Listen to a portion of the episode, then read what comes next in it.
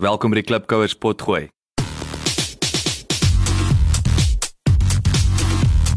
Klipkouers waar ons elke week met Afrikaner entrepreneurs en impakmakers gesels ten einde die beste praktiese besigheids- en lewensadvies met jou te deel.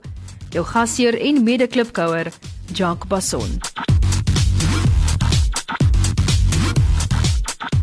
Hallo klipkouers, ek is professor Pieter Kreer. Ek is 'n kliniese sielkundige en ek is tans een van vier direkteure in Cognacity UK wat ons um, Londen gebaseerde besigheid is wat 'n uh, verskeidenheid van aspekte dek wat ek nou meer oor sal gesels. Pieter, welkom.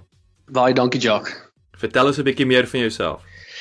Ek is oorspronklik van Potchefstroom in Suid-Afrika en ehm um, ek het uh, daar groot geword, skool gegaan, Potch Gimnasium en ek het my voorgraads het ek uh, op die uh, NWE gedoen toe nog die PE vir CAO en um, ek het 'n bietjie lank pad gestap. Ek het ehm um, na my voorgraads my of my my BA graad het ek eers sportwetenskap honeurs gedoen ehm um, en toe sielkunde honeurs en toe het ek die pad Bloemfontein toe gevat en 'n uh, 'n uh, M in kliniese sielkunde gedoen en daarna eers weer terug Potch toe om 'n PhD in sielkunde te doen. En ehm um, van daar so af het ek so rukkie vir die uh Suid-Afrikaanse Nasionale Weermag gewerk en toe einde 2005 het ons ons uh, pad oorgevind Londen toe. En uh dis basies waar my dinge grootendeels afgeskop het.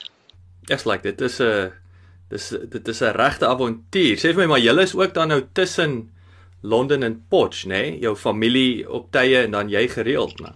Dis korrek. So ons is hier gewees vir so 9 jaar, so van einde 2005 tot omtrent begin 2014. En ehm um, dis maar vir familieredes wat ons teruggegaan het daai kant toe. Maar ons het die besigheid so gebou tot op 'n punt waar dit vir my moontlik was om met Potchefstroom te werk. So ek het 'n baie interessante situasie waar ek as ek daarso is, as ek die direkteur van die Sielkunde Instituut by Noordwes Universiteit. Ehm um, maar met die verstandhouding dat hulle weet ek doen my goed uh hierdie kant nog steeds by Cognacity.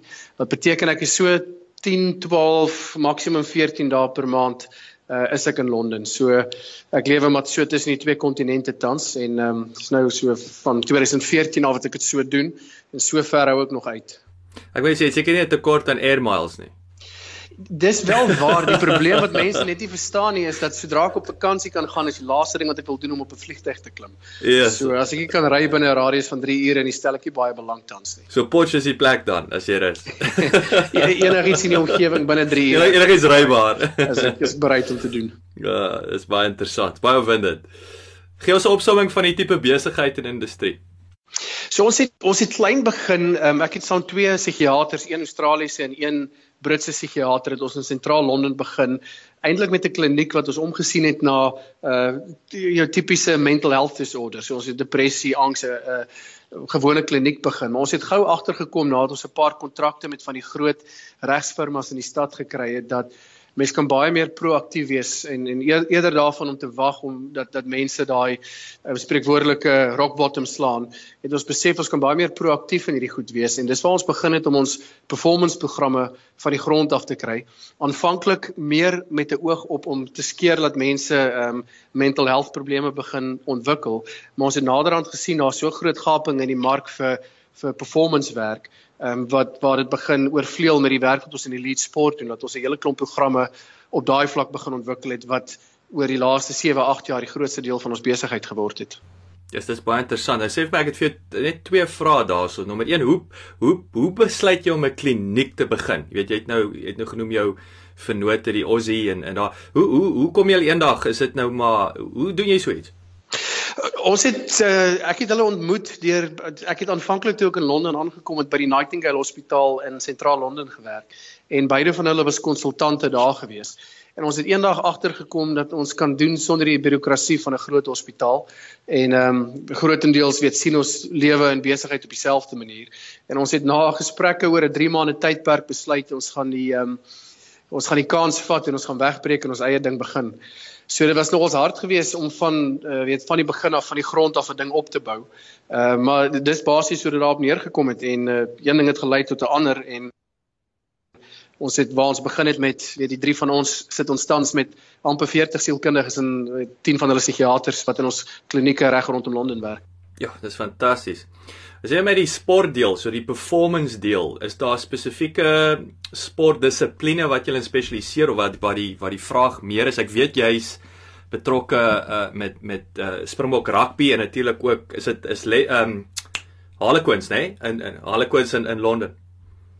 Ek so 'n bietjie 'n tong in die kies wil ek net sê ons is betrokke in 2015 met die Wêreldbeker met die Springbokke nie in 2016 nie wat vir my belangrik is om duidelik te stel.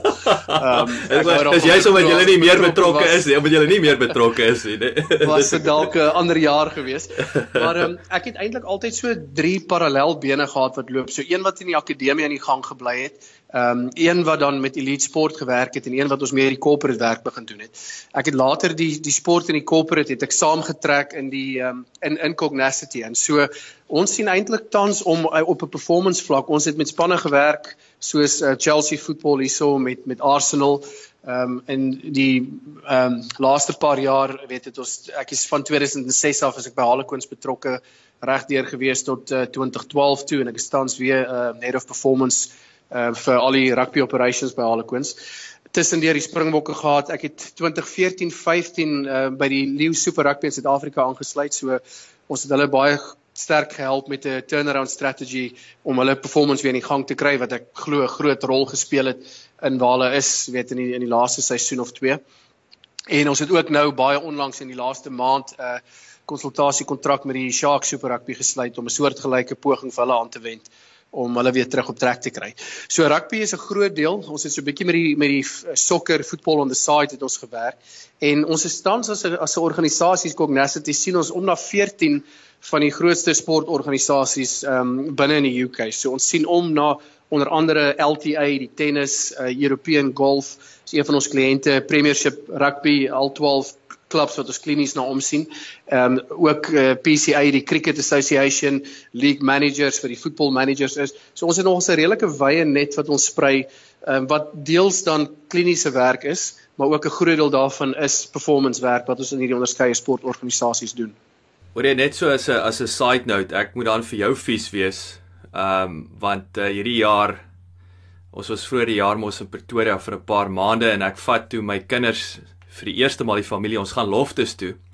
En uh, die aand speel die Bulle teen die Leeu's en uh, my my my laaitie se ek sê sy famous last question sal ek amper vra uh, sê is was 'n uh, uh, uh, papa's is watter span is die sterkste? Ek sê vir my al twee spanne is sterk en uh halftyd. Dit was nou daai tyd toe die hulle die Leeu's die Bulle so uitmekaar uit gespeel het die aand. Toe sê hy vir my, "Baba, ek dink jy sê albei spanne is sterk."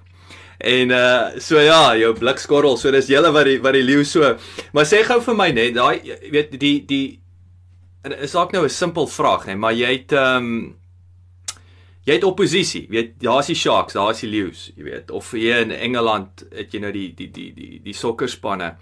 Uh Hulle het nie reg, maar hulle weet julle werk met die ander spanne. So in terme van daai inligting, daai weet die inligting, die data wat julle ouens genereer, is daar tipe van 'n 'n wil ek sê 'n um, wat is die regte terme? 'n tipe van 'n 'n clause wat julle moet teken om sê hoor jy ons gaan niks van hierdie inligting deel nie.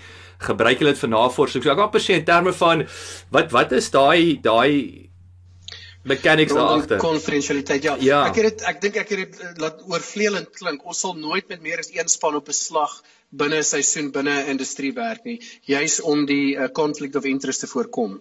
So, um, ons sal eers as dit byvoorbeeld in Super Rugby kan ons werk terwyl ons in die Premiership werk want hulle speel nooit teen mekaar nie. So in daai opsigte is altyd klousules in ons kontrakte ingesluit wat wat praat rondom konfidensialiteit en hoe ons inligting hanteer. Maar ons sal nooit met twee spanne in die in dieselfde liga werk terselfdertyd nie. Maar die fantastiese ding van julle model om so te werk dan dit laat my dink aan 'n Formule 1 span uh, soos Ferrari wat sy engine gee vir die Haas span, maar nou kry vier karre se se data terug nê. Nee. So ek neem aan daai inligting wat julle bymekaar maak tydens daai evaluasies se goeters dit dit gebruik julle om hele produk en diensstand te verbeter. Kyk, dis ongelooflik waardevol want dit is soos 'n besigheid ook. Ons dit gaan vir ons baie oor sistemiese insette. So hoe hoe uh, operate die stelsel en dan binne in dit is daar sekere individuele high performance aspekte, weet hoe die brein funksioneer onder druk. Maar wat ons leer in die sistemiese opset, ehm um, kan ons altyd weer dan gaan verfyn en beter toepas in die volgende stelsel.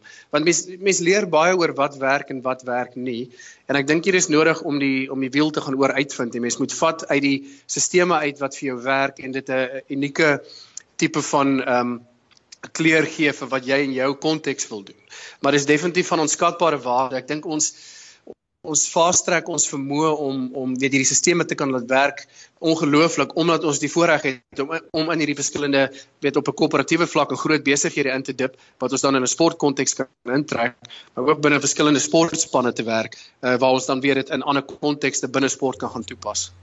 Fascinerend. So sê vir my as jy kan ek wil amper sê is dit 'n appels met appels vraag wat ek jou nou gaan vra. Kan hoe vergelyk uh, uh, Engelse sokker? Ek wil hoogs professioneel honderde miljoene ponde rugby professioneel maar nêrens in dieselfde uh, speelveld in terme van geld nie. Hoe vergelyk hulle hulle daai daai sisteme en professionaliteit of daai daai weer eens daai engine in die agtergrond? Yes. Kyk, ek kan vir jou basies my opinie daarop gee en ek gee dit baie versigtig want dit is 'n is 'n baie eensidedige ehm um, subjektiewe ervaring wat ek gehad het. Maar ehm um, wat vir my baie interessant was om in 'n in 'n sokker en 'n voetbal konteks te werk, was dat dit vir my amper ehm um, 'n klomp individue wat saam in 'n span speel. Ek het nooit daai selfde gevoel van unity en span gekry wat mense in 'n rugby konteks kry nie. En ek dink baie keer veral in in Engelse sokker is dit een van die groot redes hoekom op nasionale vlak weet hulle ek dink ver onder hulle vermoë presteer. So dis dis totaal en al twee verskillende wêrelde. Dis dis ander dinamiek met die spelers en individue wat mens mee werk. Ehm um, ek dink op 'n mediese vlak is hulle baie ver vooruit. Ek span soos Chelsea by hulle ehm um, oefengronde in in Cobham. Ehm um, weet hulle hulle hardloop 'n klein hospitaal daar wat basies na ek dink na 'n klein dorpie sal kan omsien. Maar dit voel vir my baie keer op 'n span op die op die ehm um, span aspekte veral rondom dinge soos ehm um, high performance aspects, eh, sportwetenskap, sportsielkunde is hulle selfs agter rugby in in 'n sekere mate. Nie nie al die spanne nie, maar van die die ervarings wat ek gehad het met die 3 of 4 verskillende spanne wat ons mee te doen gehad het. So dis 'n totaal en al ander omgewing. Ehm um, die dinamika op die veld en die kleedkamers totaal en al anders as in 'n rugby omgewing. So dis dis basies wel afgesien van die feit dat albei spansporte is is daar vir my verskriklik min ehm um, oorvleelingsregtig in terme van wat aangaan. Maar beide van hierdie stelsels het uitstekende goed wat mense kan leer van en beide van hulle dink ek het maar hulle hulle um drawbacks wat wat hulle definitief by die ander kan kers opsteek. My span sê vir my ons het baie resensies op iTunes nodig sodat jy die Klipkouer program maklik in die hande kan kry. Kan julle ons asseblief uithelp en inteken op iTunes en vir ons 'n resensie los? Ons sal dit kwai waardeer. Dankie.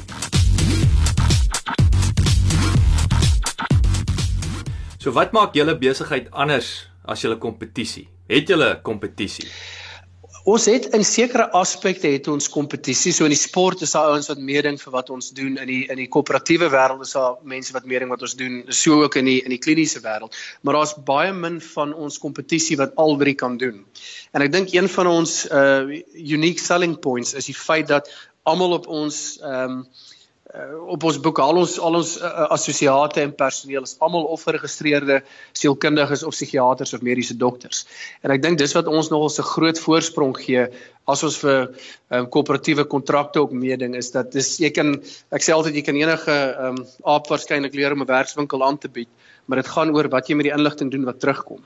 En ek hou daarvan om te glo ons personeel is uitstekend daarin dat almal is hoogs professioneel opgelei, gekwalifiseer en geregistreer om hierdie tipe van goed te doen. So die die addisionele inligting en en die manier hoe ons met die inligting kan werk, dink ek is een van die groot goed wat vir ons baie keer 'n voorsprong gee op ons oppositie. En, en weer eens soos jy sê, die feit dat jy al drie van daai uh uh um sektore bedien, hè, dis daai ongelooflike inligting wat dan terugkom na die agterkant toe wat jy nou kan weer herverwerk om daai weer eens daai dis daai konstante verbetering van die diens en die produk Definitief. En kyk, daar's daar's verskriklik baie uh, oorvleeling tussen die elite sport en die elite corporate omgewing, want uh, dis almal mense wat weet absoluut top of hulle game is, wat maar mense wat onder ongelooflik baie druk is.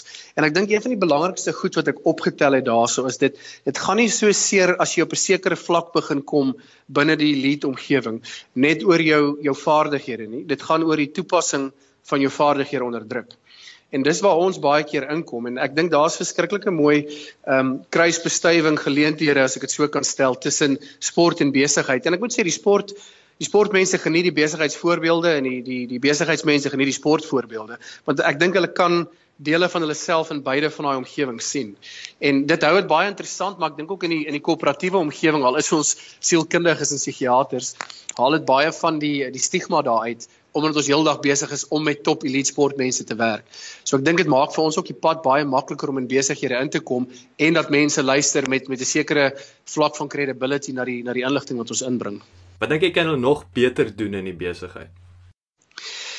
Ek dink een ding waar waar sport voor besigheid is is ehm um, mense kan baie keer wegkom in 'n in 'n besigheidskonteks met hoe jy dinge doen en sekere dinge wat jy doen omdat jy hoogstens twee keer 'n jaar 'n prysel dalk kry wat um, net jou onmiddellike lynbestuurder en en mense in jou span dalk van weet.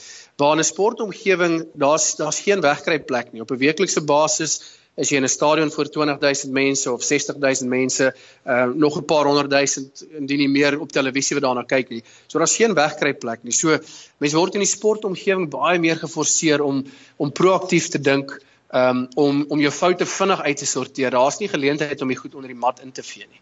En baie van die ehm um, veral perform, performance under pressure konsepte wat ons in na besighede toe bring, is gebaseer op hierdie beginsels van hoe kan jy altyd daai daai twee stappe vooruit dink en nie eers wag vir 'n probleem om op te duik en dan reaktief te wees nie. Net omdat iemand dit nie sien nie, beteken nie dis nie 'n probleem nie. So dit gaan verskriklik baie daaroor om ehm um, uh weet proaktief na die goed te kan kyk en probleme te kan uitsorteer voordat dit begin. So so julle jy, jy jy praat nou van kyk, weet so definieer kyk vir my binne julle konteks. Sal jy langs die veld gaan sit? Kyk jy na die tipe van 'n post-match uh, post-wedstryd analise? Hoe hoe hoe gaan jy te werk met daai daai analiseringsproses? Ja, die, ek dink wat die gewone mens baie keer daar buite nie verstaan eh, wat wat 'n rugby entoesias is nie. Um, as ons na 'n wedstryd kyk, jy sien nie spelers wat speel nie, jy sien basies die matrix, dis stelsels en patrone wat oor 'n skerm hardloop. So dit het verskriklik baie te doen met met ehm um, prosesspesifieke KPIs, key performance indicators. Ehm um, sekere goed wat moet gebeur ehm um, wat ons baie nou monitor. So ons het ons het per 20 minute sekere dinge wat ons na kyk wat wat moet plaasvind. Werk dit indien nie hoekom nie en hoe pas ons daarbey aan? So die die tipe statistiek en analise wat ons na die tyd kry, ons het drie voltydse analiste wat wat basies net dit doen. So ons kan vir jou enigiets sê van ehm um, weet hoeveel minute deur 'n seisoen 'n speler bal in die hand gehad het, hoeveel hy tackles wat hy gemaak het, hoe effektief dit was um, hoeveel um offloads hy weggekry het, hoeveel uitgee hy weggekry. So enige iets van 'n speler en die impak wat dit gehad het, weet kan ons gaan kyk na. So dis 'n verskriklike analitiese proses om heeltyd te kyk hoe kry mens daai addisionele 1% by. En as ons nou nog die die sielkundige komponent daarbey intrek, gaan dit oor hoekom kan sekere spelers en oefeninge goed lyk, maar onder sekere omstandighede in wedstryde lyk dit of die wiele afkom. So ons begin daai in te trek om te kyk wat wat se breinfunksionering onder druk en daai goed kan ons deesdae alles ehm um, uh, weet real-time monitor wat vir ons ongelooflike goeie inligting gee om dan te gaan kyk gedurende die week hoe moet ons aanpas hoe ons oefen ehm um, individue se se eie voorbereiding, span voorbereiding ehm um, wat basies eintlik vir mense te veel inligting gee, mense moet baie selektief begin wees wat mense aan wil werk, maar enigiets wat mense moontlik wil weet, ehm um, daartoe het ons inligting. Pieter, wat is die grootste besigheidsfout wat jy tot dusver gemaak het en wat het jy geleer? Yes, ja, ek ek, ek dink daar's daar's 'n hele paar van hulle ongelukkig. Ehm um, veral weet ons wat uit die paramediese en mediese beroepe uitkom, hulle spandeer verskriklik baie tyd om ons kliniese vaardighede te gee, maar ek dink in my 7 jaar van studeer het ek omtrent 'n 6 maande besigheidsmodule gehad van weet hoe om 'n praktyk te bestuur. So ek dink een van die grootste foute waarskynlik as ek teruggaan na 2006-7 wat ons die die aanvanklike praktyk begin het was jy glo amper weet as jy jou jou werk goed genoeg doen gaan die besigheid na homself omsien en ek dink ons het baie vinnig geleer na 2 jaar jy bereik 'n plateau as jy nie 'n ordentlike besigheidsplan het nie as jy nie weet 'n struktuur het wat jou dryf nie as jou prosesse daar nie in plek is nie En ehm um, ek moet sê wat ons baie gehelp het. Ons het 'n uh, MBA studente ingekry van London Business School wat besig was met 'n projek. Ons kon hulle nie betaal op baie stadium nie. Die besigheid was nog besig om te groei. En ehm um, hulle was heel happy om in te kom en projek te doen. En ek dink dit was waarskynlik een van die grootste ehm um, veranderinge gewees in ons besigheid. Hoe die ouens inkom met 'n oordentlike plan en sê hier is ons waar die tekortkominge lê. Hier's waar jy moet aandag gee. Dis hoe jy marketing moet bedryf. Ek weet dis hoe jy in die mark beter kan inkom.